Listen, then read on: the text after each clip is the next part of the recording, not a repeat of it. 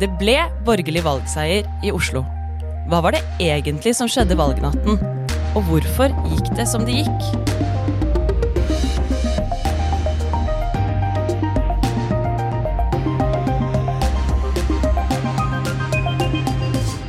Velkommen til denne bonusepisoden av Oslopodden. Hvor jeg, Oda Guleng og Vegard Velle tar en debrief på Oslo-valget. Og vi får også inn valganalytiker Svein Tore Martinsen. Men først, det har vært en intens valgkamp her i byen, Vegard. Jeg har fulgt masse med på valgkampen de siste ukene. Ja, det har vi alle. Hvordan var kvelden din i går? Jeg starta kvelden i går på Høyres hus med boller og brus. eh, Og så fulgte jeg valgvakene til eh, noen av de andre partiene. MDG, SV og Rødt. Og Ja. prøvde å oppdatere meg på det som skjedde i valget i Oslo. Ja, Så du var sprang litt rundt omkring, egentlig?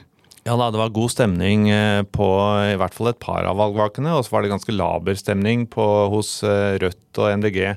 Det kan jeg tenke meg. Det var merkbart. Ja, ja, ja. Jeg eh, var på, ikke rundt omkring på de ulike valgvakene, men jeg fulgte med på eh, TV. Hos, eh, vi var en gjeng som samla oss hos en kompis.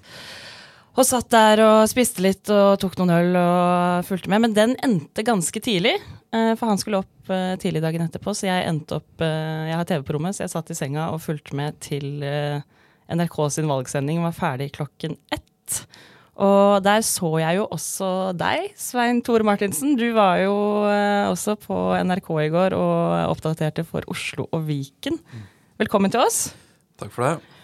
Bare si at Svein Tore han er jo valganalytiker og driver også et politisk eh, nyhetsbrev som han sender ut til de som vil abonnere. Så vi kan reklamere litt for han her. Ja, bra det. Jeg kan tenke meg at du også er eh, litt eh, sliten i dag, kanskje. Ja da, jeg bor på Jessheim og var i Fredrikstad i går, da. Hovedkontoret til NRK, eller hovedsendinga derfra, da. Og da var det en ganske drøy vei hjem. Så jeg var ikke hjemme før sånn i tretida eh, på, på natta, da. Nei. Vi har litt uh, tunge øyelokk eh, alle sammen her i dag, men vi skal uh, hjelpe deg å debrife valget så godt vi kan. Kan ikke du fortelle hva, Svein Tore, hva skjedde egentlig under valget i Oslo i går? I Oslo, så i likhet med de fleste steder i landet, så fulgte man egentlig den nasjonale tendensen. Det var en ganske klar bevegelse, velgerbevegelse bevegelse bort fra de rød-grønne og over til eh, de borgerlige. Og det merka man også i, eh, i Oslo, da. Eh, så det var en trend som slo igjennom, kan du si, også i hovedstaden. Mm. Det har jo vært en, hva er det de sa, en blå-blå vind over hele landet. Og Høyre gikk jo av med seieren her i Oslo også i går. I Oslo så fikk Høyre ca. en tredel av stemmene. Eh, mens, eh, som Svein Tore er inne på, så fulgte Oslo trenden eh, til resten av landet. Og for første gang på 99 år så er ikke Arbeiderpartiet lenger det største partiet i landet. Også i Oslo så er det, er det mye mindre, men også spesielt MDG, som tapte én av tre velgere. Og er et, MDG er et Oslo-fenomen. Så var det ganske merkbart, merkbar kraftig tilbakegang for de. Ja. Det er jo MDG Det snakka vi om en tidligere episode her også, at eh, MDG gjør det ofte bra i storbyene. Men eh, ikke den gangen her. Ja da, jeg vil vel eh, dra det litt lenger og si at MDG er ikke bare et Oslo-fenomen. De, de gjør det ganske godt, har gjort det ganske godt i, i, spesielt i storbyene, da. Eh, Men det er riktig, det var tilbakegang, så klar tilbakegang for eh, MDG. Og det henger nok litt sammen med, tror jeg, at en del velgere denne gangen var mer opptatt av økonomi. Eh, Man har opplevd eh, økende matvarepriser, økende renter. høye strømpriser i vinter. Og når folk er mer opptatt av økonomi, så er man ofte litt mindre opptatt av miljø. Det, det henger litt sammen, og det slo nok inn til MDGs disfavør i går. Ellers For å også si noe om det som skjedde i Oslo, så er det jo nå tre omtrent like store partier. Ved siden av MDG så er det SV og Venstre på omtrent 10% alle sammen. Mens eh, Folkets parti, tidligere Bompengepartiet, de falt helt ut. De fikk fire representanter i bystyret sist valg, men raste ned med 5,3% og gikk helt ut av, av bystyret. Så det, det var eh, en, en, en ny ting, da. Og også Senterpartiet falt ut. Mens eh, vi fikk et nytt parti inn i bystyret som aldri har vært der før. Du veit hvilket jeg snakker om, Svein Tore? Ja, de kaller seg PS. Det står vel for partiet Sentrum. Mm. Som akkurat kom inn i bystyret. Var ikke store marginen, men de kom seg inn med sistemandatet. Så de var nok veldig fornøyd i, i sentrum i går. I et hvilket parti som fikk 450 stemmer for lite, Oda? 450 stemmer for lite? Er det Industri- og Næringspartiet? Det stemmer. Ja. Hadde de hatt 450 stemmer til, så hadde de fått like mange som eh, Partiet Sentrum og Geir Lippestad, som da skal representere Partiet Sentrum. Mm. Men hvem er det som uh, var valgets tapere i går, da? Ja, Hvis jeg skal si noen ting, så var det åpenbart uh, MDG, som vi har vært litt inne på. De går ganske markant tilbake. Arbeiderpartiet går tilbake. Uh, Senterpartiet faller ut av uh, bystyret. Uh, og det var vel kanskje liksom de viktigste taperne. De, går tilbake. SV litt fram, men trent på stedet hvil. så det er liksom en rød-grønn tap, stort sett, kan du si, da, og som da fører til at motposten ble jo da økning av stemmene til de borgerlige partiene, som da framstår som vinnere ved årets valg. Mm. I bystyret så er det 59 mandater det står om, og nå fikk de borgerlige sannsynligvis 31 eh, mandater.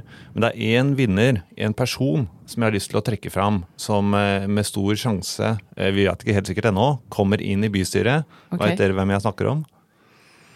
Jeg vet ikke hvem du snakker om. Du sitter der og smiler litt sånn lurt. Kan det være Gro Harlem Brundtland som kommer inn på kryss personstemmer? Det stemmer, fordi Arbeiderpartiet de kumulerte. Dvs. Si altså ti personer fikk dobbeltstemmer. Den ellevte personen eh, kommer inn i bystyret fra Arbeiderpartiet, og Arbeiderpartiet får inn elleve representanter. Da er det stor sjanse for at Gro Harlem Brundtland, som sto på sisteplass eh, hos Arbeiderpartiet, faktisk fikk så mange slengere at hun kommer inn som ellevte representant i bystyret. Kan man si at Gro gjør comeback? Ja. Vi får avvente litt på selve opptellinga, men det er store sjanser for det. vil ja. jeg jo tenke, at Folk har gitt henne en god del både personstemmer og slengere også. Ja. I går så Det tok jo også ganske lang tid før vi fikk eh, de endelige resultatene for Oslo. Det var eh, Forhåndsstemmene kom eh, klokka ni. Og da lå det jo an til uh, borgerlig flertall. Men uh, det var litt problemer med, hos Valgdirektoratet også. Uh, kan du si noe om det? Ja, det var noen sånne tekniske problemer som man hadde da. Det er vel kjedelig å få det akkurat på valgkvelden, men det er jo også det at det er veldig mye data som skal transporteres osv. Så, videre. så vidt jeg forsto, så må, måtte de øke kapasiteten da, for å, datakapasiteten for å få stemmene i, i havn. Men det handla om tekniske problemer fra Valgdirektoratet sin side, som de etter hvert fikk orden på da litt utover kvelden. Ja. Men for å gå litt gjennom valgnatten, da, så var kanskje det første høydepunktet var når forhåndsstemmene kom inn klokken 21 på valgdagsmålingen. Og da viste det seg vel, eh, sett nå i ettertid, at Høyre var større enn hva de endte opp med til slutt, mens Arbeiderpartiet var litt mindre enn hva de endte opp med til slutt. Sånn at eh, det var flere Høyre-velgere som avla forhåndsstemmer relativt sett enn Arbeiderparti-velgere. De andre partiene har jeg ikke så god oversikt over. Eh, men det jeg har hørt, er at det var ganske mange vest i Oslo som avla forhåndsstemmer. Og det kan jo stemme med det vi så fra forhåndsstemmeresultatene. Eh, at der var folk kanskje irriterte over dagens eh, byråd og visste hva de skulle stemme. Det var Høyre. Ja da, det er riktig det. Høyre hadde jo en viss nedgang gjennom valgkampen. De lå på et høyere nivå tidligere, så for Høyres vedkommende så var det en viss fordel av såpass mange forhåndsstemte, da. Og noen færre på selve valgdagen. Men samtidig så var bevegelsen såpass tydelig i går at uh, det nok uansett hadde blitt et borgerlig uh, flertall. Da. Men det har endra seg litt. Folk stemmer i økende grad på forhånd. Og Det tror jeg er litt i pakt med den tida vi lever i, at folk ønsker å gjøre ting når det passer dem sjøl, og ikke at du er avhengig liksom, nå må jeg møte opp på selve valgdagen. Så det er nok en utvikling som vi kommer til å bare se mer av. Det betyr jo også da at partiene må kanskje starte valgkampene litt tidligere, da. For når det kommer til selve valgdagen, så har halvparten stemt allerede. og er nesten litt uh, seint. Så det er nok en sånn uh, endring som vi kommer til å se litt mer av uh, framover også. Lever i en mer hektisk hverdag hvor det er greit å gjøre ting når det passer oss. Ja, det er noe med det. Og jeg tenker jo også selv om det er fint, kan si, folk pynter seg og man legger eldre folk noen da, og man legger liksom denne valgstemmeseddelen oppi urna, så er det jo også en litt gammeldags måte å stemme på. Eh, jeg vil jo tenke og håpe egentlig da, at etter hvert så får man litt mer moderne stemmegivning. At man kan stemme via mobilen og via nett osv. Men foreløpig så har man jo ikke da valgt å innføre det. Men det tror jeg kommer også etter hvert. Jeg syns det er veldig stas jeg, å legge, legge Hva er det det heter? Blanketten? Stemmeseddelen heter det. I urna på valgdagen. Jeg stemte i går. Og jeg vurderte et lite millisekund å faktisk ta på meg bunaden og dra ned på Gamlebyen skole for å stemme da. Uh, Vegard, du var jo på de, noen ulike valgvaker i går. Ja, det var selvsagt en veldig god stemning hos Høyre. Der eh, var det jo full jubel da man eh, selv eh, viste seg å ha gjort et veldig godt valg. Men det var også ganske høy stemning og jubel da Senterpartiet og Rødt gjorde dårlige valg, og MDG gikk ned. Da var, det, da var det veldig god stemning. Så det minte meg litt på slagordet om at egen fremgang er veldig bra, men andres motgang er ikke så verst, det heller. Nei, det er sant det. Hvor var det det var dårligst stemning? Hos, uh, hos, MDG var det mest labert, og det var påtagelig fordi jeg var hos MDG også for fire år siden, og det var mye mer energi, langt flere aktivister, mange flere unge aktivister enn hva du så nå. Og det MDG opplever er jo en tilbakegang, ikke bare under dette valget her, men også for to år siden. Så hvordan nå MDG eh, takler den motgangen, det blir jo litt spennende å se. Mm. I de ulike bydelene i Oslo hvordan ser det ut der? Det som man eh, ser generelt, eh, er at eh, i 10 av 15 bydeler, altså Oslo er oppdelt i 15 bydeler, Um, og i ti av de så vant Høyre, mens Arbeiderpartiet vant i fem. Altså én av tre bydeler så vant Arbeiderpartiet. Og der, der, Høyre nå vant, det var i vest, sånn som de pleier å gjøre. Uh, men de vant også i sentrum, eller indre Oslo. Der, har, der var fra forrige valg så MDG størst i indre Oslo og har hatt leder for bydelsutvalgene. Nå var det Høyre som vant eh, de bydelene. Mens i Groruddalen og på Søndre Nordstrand så var det fremdeles Arbeiderpartiet som var størst, med ett unntak. Så eh, det kan du si er hovedtrenden. Og det som man også ser, er at det var langt høyere valgdeltakelse i spesielt vest. Dernest litt lavere, altså rundt snittet for Oslo faktisk, i Indre Oslo, mens den var ganske lav Eh, i, i, øst. Eh, sånn at f.eks. i Alna bydel så var eh, stemmetallene helt under 50% under halvparten Oi. som stemte. Men hvorfor er det sånn? Det har nok vært litt sånn at ballkampen kanskje ikke har mobilisert uh, veldig mye. og Det har jo hatt en sånn nasjonal tendens at det har vært mye skandaler og aksjeinvesteringer, og man har utnevnt uh, venner og bekjente av nær sagt mm. til viktige styreverv. solbyllesak, og det har vært en del sånne ting som jeg tror ikke ikke har bidratt til fokus på politikken, uh, som ikke har hjulpet i forhold til deltakelsen. Uh, så at den går noe ned, er nok i noen grad et produkt uh, av det. Skal jeg føye til litt på bydelene, da, så er det interessante, syns jeg, at Høyres framgang er størst der de har stått svakest før. Altså i Groruddalen type. Det er ikke noe sånn uvanlig heller i norsk sammenheng. fordi at man, altså Hvis du har 50% i en bydel, da, så er det liksom begrensa potensial hva du kan vokse. Men hvis du har 10% så har du et mm. større velgerpotensial. Eh, så relativt sett så går Høyre mest fram i de strøkene, og minst fram i, i sine beste strøk i Oslo, Oslo vest. Eh, og så var det interessant, eh, hvis vi så liksom tilbake til 2019-valget, så gjorde denne bompengelista det veldig godt, spesielt i Groruddalen. Mm. Hvor er det de velgerne kom til å gå hen? Det virker som de har spredt seg litt. Det er ikke noe sånn entydig mønster, men de har ikke gått tilbake til Arbeiderpartiet, ser det ut som. Og der tror jeg partiet sentrum har gjort noe smart. For de har åpenbart mobilisert kraftfullt i Groruddalen. og for I Stovner har de fått 6% av stemmene, som har bidratt til å sende dem inn i, uh, i bystyret. Og kanskje har dette budskapet om og ønsket om å forby koranbrenning mm. vært et moment som har slått an spesielt i Groruddalen, og hjulpet dem da inn til en representant i, i kommunestyret. Mm. Vil vi merke noe av det, at partiet Sentrum har fått en representant i bystyret? Ja, hva tror du?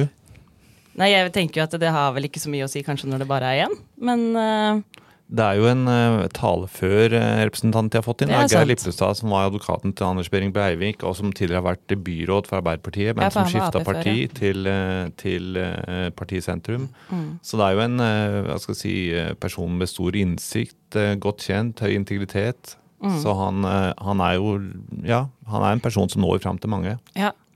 Partiet Sentrum kommer jo ikke liksom sånn i, i maktposisjon i og med at de andre borgerlige partiene har 31 representanter, antageligvis. da.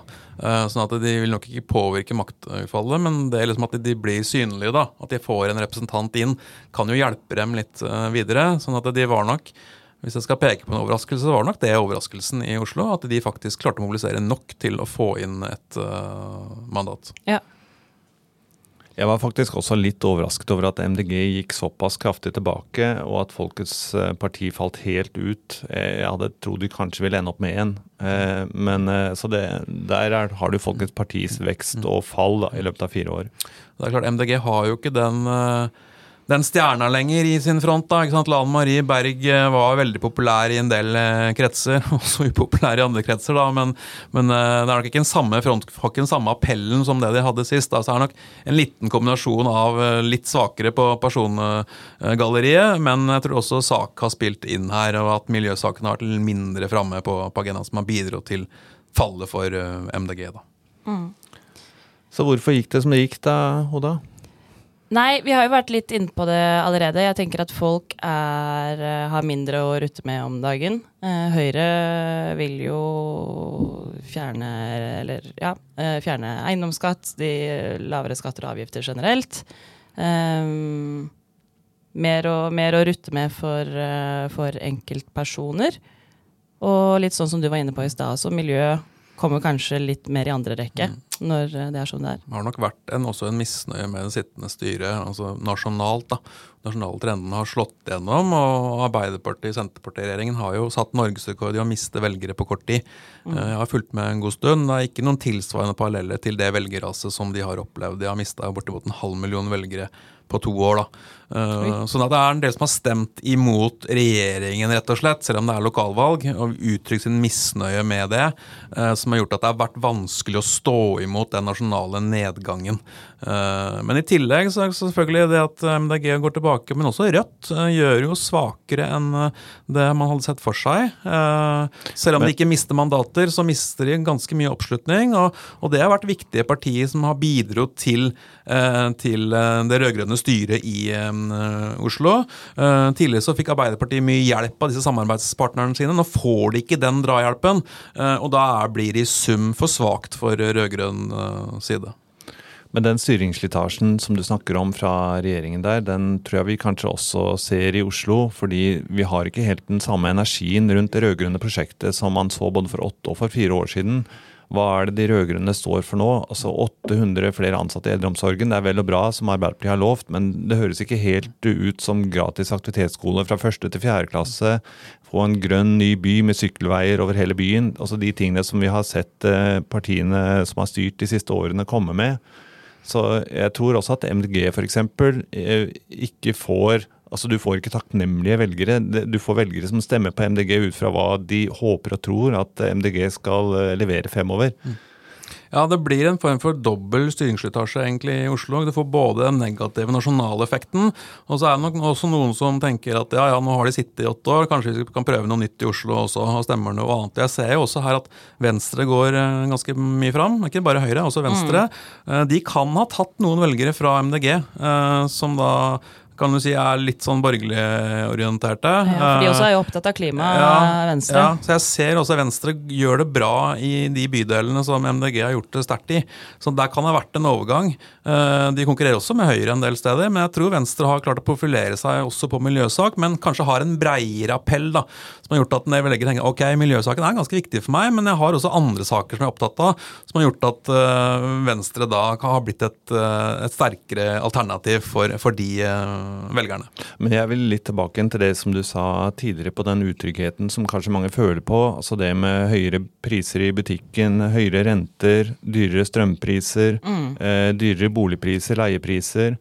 Eh, den utryggheten som mange føler på der, gjør at man søker seg til det trygge. Og Erna Solberg fremsto som en sterk og, og stø statsminister under koronakrisen. Jeg husker jeg var i Operaen for eh, et par måneder siden. Og da kom Erna Solberg med mannen sin gående inn i operaen der, og plutselig så var det en del folk som pekte på henne og ville bli tatt bilde av henne, fordi at de sa 'se, der kommer statsministeren', sa de. Ja. Men da var jo ikke hun statsministeren, det var Jonas Gahr Støre som var statsministeren, men folk oppfatter henne fremdeles som den som mm. sitter og styrer her i landet. Mm. Tror det er et godt poeng at uh, Høyre har profitert på at de har liksom, hatt høy troverdighet på styring. da. Uh, det er også en sak som egentlig Arbeiderpartiet burde ha kunnet være sterke på. Men jeg tror i den, i den sammenhengen som vi er i nå, med, med at Arbeiderpartiet styrer uh, nasjonalt, og at man kanskje har mista noe tillit på økonomi, og at det først og fremst har tjent uh, Høyre denne gangen her. Uh, så, så, trygg styring og liksom hvem som du har mest tillit til i økonomispørsmål, det har nok vært et element. Og så har det vært litt sånn at du får liksom ikke gjort så mye lokalt med altså, stigende renter og stigende matvarepriser. Altså, det er ikke noe sånn verktøy verktøy i verktøykassa til lokalpolitikerne til å få gjort noe med det. Men det er mer det altså økonomiske tilliten generelt. da, At du tenker hvem, liksom, hvem kan styre tryggest og best. At det har vært en, en ting som har, har, spilt inn. Så tror jeg også at det har vært et visst sånn protestelement i velgermassen. Eh, at man da altså Å stemme Høyre liksom, er sånn danna protest. Det egentlig er ikke sånn kraftig protest å stemme Høyre. Eh, men til Frp, selv om ikke de går så mye fram i Oslo, så går de jo fram en del andre steder i, i landet. Hvis du drar på litt mer, så stemmer Frp. Eh, og vil du dra på enda litt mer, så har noen iallfall stemt Industri- og Næringspartiet. Nå har ikke det vært nok da til å få de inn, men det var veldig nærme at de kom inn i, i Oslo. Så det har en sånn protestelement også i velgermassen, i tillegg til det at økonomi har vært uh, viktigere, som kan forklare iallfall deler av valgresultatet. Ja. Hvordan kommer det til å se ut nå, da, de neste fire årene? Hvem er det som kommer til å samarbeide i byråd? Det jeg har bare lyst til å trekke fram én ting til som jeg syns eh, er litt interessant eh, å stille spørsmål om. Er det sånn at velgerne nå har mista interessen for miljø og klima? Nå som MDG synker så mye i her byen, og de har tapt én av tre velgere. De har nok ikke mista interessen, men den er ikke fullt så dominerende som den saken var. da. Eh, men det, det, er sånn, altså det, er dynamisk, sånn det kan jo være noe annet eh, valget om to år, stortingsvalget om to år eller lokalvalget om fire år. Eh, det avhenger jo litt av liksom, agendaen og skjære ting som, i verdenssammenheng som kan påvirke det osv. Så, videre. så det er nok, det er nok ikke liksom kjørt for miljøsaken, men at den har fått en dipp, det er nok åpenbart. Til det du spør om, hvem kommer til å overta makten, så blir det Eirik La Solberg som kommer til å bli ny byrådsleder i Oslo. Han mm. kommer til å forhandle og kommer til å prøve altså på den klassiske borgerlige sida med Frp, KrF og Venstre. og Han ønsker å danne et flertallsbyråd. Eh, så gjenstår å se da om de forhandlingene kommer til å føre fram, eller om han eventuelt da eh, ikke får med seg Frp, men kanskje søker inn mot MDG. Men jeg tror han vil prøve først og fremst mot de borgerlige og forsøke å få til et flertallsbyråd eh, med de. Men Venstre har vel sagt at de ikke har lyst til å sitte i byråd med Frp, har de ikke det?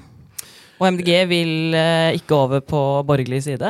Jo da, det er en liten floke de må, må, løse der. og Venstre vil gå litt tilbake på det. Det gjenstår å se. Men Venstre har også vært ganske tydelig på at de ønsker et maktskifte. Uh, så de finner nok ut av det med hverandre, men de må gi og ta da i forhandlinger og forsøke å finne noen kompromisser som eh, alle kan leve sånn noenlunde med. Ja. Nå starter jo samtalen allerede i dag, og jeg tror at eh, Venstre og Frp klarer å finne hverandre. Så får vi se hvem er det som får tildelt eh, de ulike byrådspostene. Hvem er det som får ordføreren? Eh, Høyre har fronta sin kandidat, men det er slett ikke sikkert at, at deres kandidat er den som ender opp med ordførerposisjonen. Nei, Da får de jo både byrådsleder og ordførervervet. Det er jo ikke sikkert at de andre partiene har lyst til å gi dem det. Nei, det er urettferdig. Og det er klart, eh, SV har jo hatt eh, Marianne Borgen som mor Oslo de, de åtte siste årene, og jeg tror ja. at eh, hun har vært en veldig god figur, og samlende figur, for, som har gitt SV stor tillit her i byen. Ja da, Livet er ikke alltid rettferdig, vet du. Men det er jo ikke bare, altså, politikk er ikke bare matematikk. Det er også politikk og forhandlinger. og Det blir jo en vurderingssak da, hvor viktig ordførervervet er. Det er jo en sånn gallionsfigur uh, mest da, i, i, et parlamentarisk system som det Oslo har. Så det spørs jo litt for eksempel, hvor mye Venstre vil ha den ordføreren. Uh, de er jo nest størst og kan eventuelt tenke seg at det er naturlig at de kanskje får den. men godt hende at det blir Høyre, at de får både borettsleder og ordfører. Og kanskje Venstre får et annet fremskutt verv som er viktigere sånn politisk sett uh, for de da. Så det som skjer nå fram til jeg lurer på om det er 26. oktober, eller i hvert fall slutten av oktober, hvor det nye byrådet tiltrer, det er vel at vi har et uh, settebyråd som består av de som uh, styrer i dag. Som det da heter seg at ikke skal ta viktige beslutninger i den perioden hvor de, hvor de styrer på vei over i det nye. Mm. Det stemmer. Altså, det blir jo liksom De kan ikke gjøre så mye politisk. Da blir det vente, og se, vente litt en måned, og så kommer de nye og overtar antageligvis da i slutten av oktober. Det blir spennende å se hva som skjer i ukene fremover. Vi er uh, ferdig med dagens episode, hvor vi har tatt en liten debrief på valget. Takk for at du kom til oss, Svein Tore Martinsen. Oslopodden kommer med en ny episode neste torsdag. Og da er vi ferdig med valgepisodene, og vil begynne da å oppdatere deg på hva som skjer uke til uke her i Oslo. Frem til det så kan du gjerne følge oss på sosiale medier, eller lese oss på vårtoslo.no. Og husk å abonnere på oss i appen, og spre ordet til dine Oslo-venner. God tirsdag!